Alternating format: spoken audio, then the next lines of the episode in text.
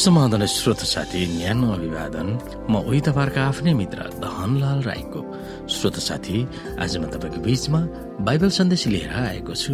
आजको बाइबल सन्देशको शीर्षक रहेको छ यस पत्रमा वर्णन गरिएको मुख्य घटनाहरूमा।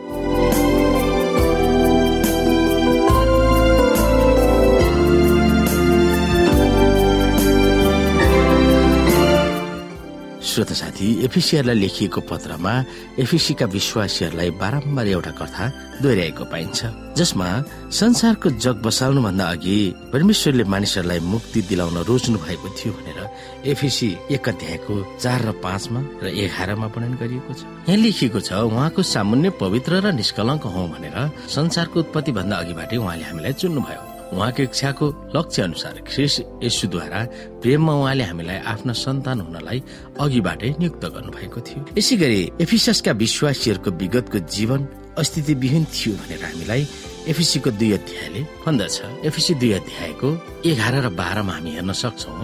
यसकारण याद राख अघि तिमीहरू शरीर अनुसार अन्य जाति छँदा शरीरमा हातबाट खतना गरिएकाहरूले तिमीहरूलाई बेखतनाका मान्दथे। याद राख तिमीहरू त्यसबेला ख्रिसबाट अलग्ग इसरायलका नागरिक हकबाट बाहिर भएका थियौ र प्रतिज्ञाका करारहरूबाट बिराना र आशा नभएका र यस संसारमा परमेश्वर रहित थियो। यसै गरी चारको सत्रदेखि उन्नाइस पनि हामी हेरौँ श्रोता यहाँनिर। अब म यो जोड दिएर प्रभुमा भन्दछु र प्रभुमा गवाइदिँदछु कि अन्य जातिहरू जसरी तिमीहरूका विचारको व्यर्थतामा जिउँदछन् त्यसरी तिमीहरू अबदेखि होसो नजियो तिमीहरूका हृदयको कठोरताले ल्याएको तिमीहरूका अज्ञानताको कारणले तिनीहरू परमेश्वरको जीवनदेखि बिराना भएका छन् र तिनीहरूको समाज अन्धकारले भरिएको छ।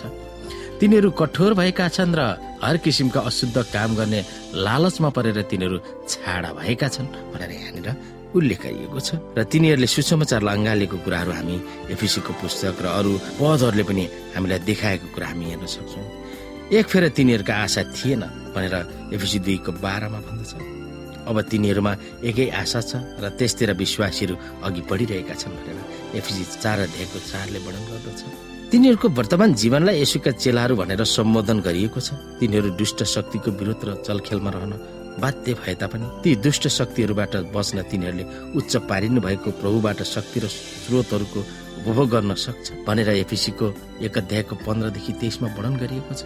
यहाँ भनिएको छ प्रभु यसुप्रति रहेको तिमीहरूको विश्वास र सबै सन्तहरू प्रति तिमीहरूको प्रेमको विषयमा मैले सुनेको कारणले नै मेरो प्रार्थनामा तिमीहरूलाई सम्झना गर्दै तिमीहरूका निम्ति धन्यवाद दिन्न म थामिन्न।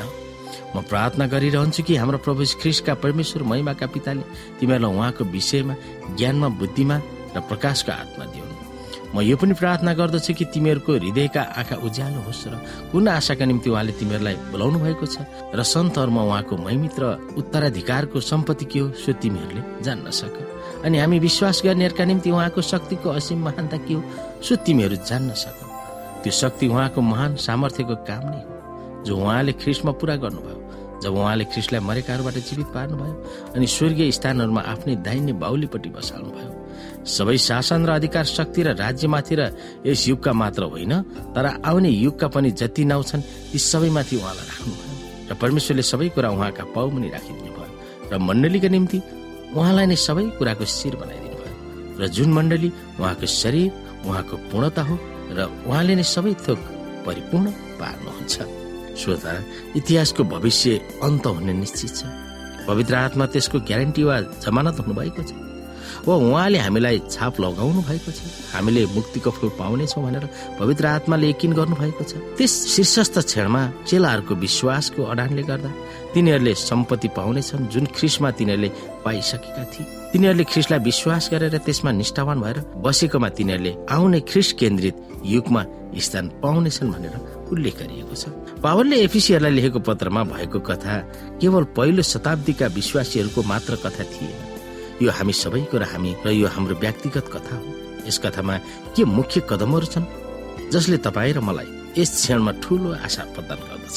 आफ्नो श्रोताहरूको विगतका पापहरूको बारेमा पावलले किन बारम्बार याद दिलाउँछन्? यसुलाई विश्वास गर्नुभन्दा तिनीहरूको जीवन कस्तो थियो भनेर तिनीहरूले याद गरिरहनु पर्छ भनेर उनले किन सम्झाउँछन्? हामी एपिसी दुई अध्यायको आर्थिक दशमा हेऱ्यौँ भने सुसमाचारको बारेमा पावलको सारांश रोमी एक अध्यायको सोह्र र सत्रसँग तुलना गर्न सक्छौँ? के विषयवस्तुहरू ती पदमा देखा पर्छन्? के कुरामा तिनीहरू फरक छन्? त्यो विषयमा हामी बुझ्न सक्छौँ। विश्वासीहरूका असल काम उपकारी परोपकारी र दानी कामले मुक्ति पाउन कुनै भूमिका खेल्दैन।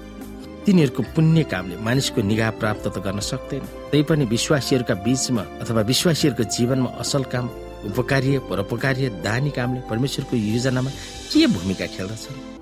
हामी असल कामहरूका निम्ति ख्रिसियसुमा सिर्जना गरिएका उहाँका हातका सिप हौ।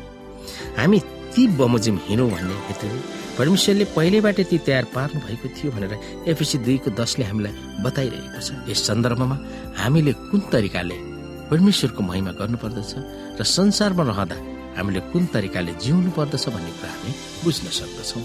कुन कुराबाट हामी आशिष प्राप्त गर्न सक्दछौँ? ती कुरा हामीले सोच्नु पर्दछ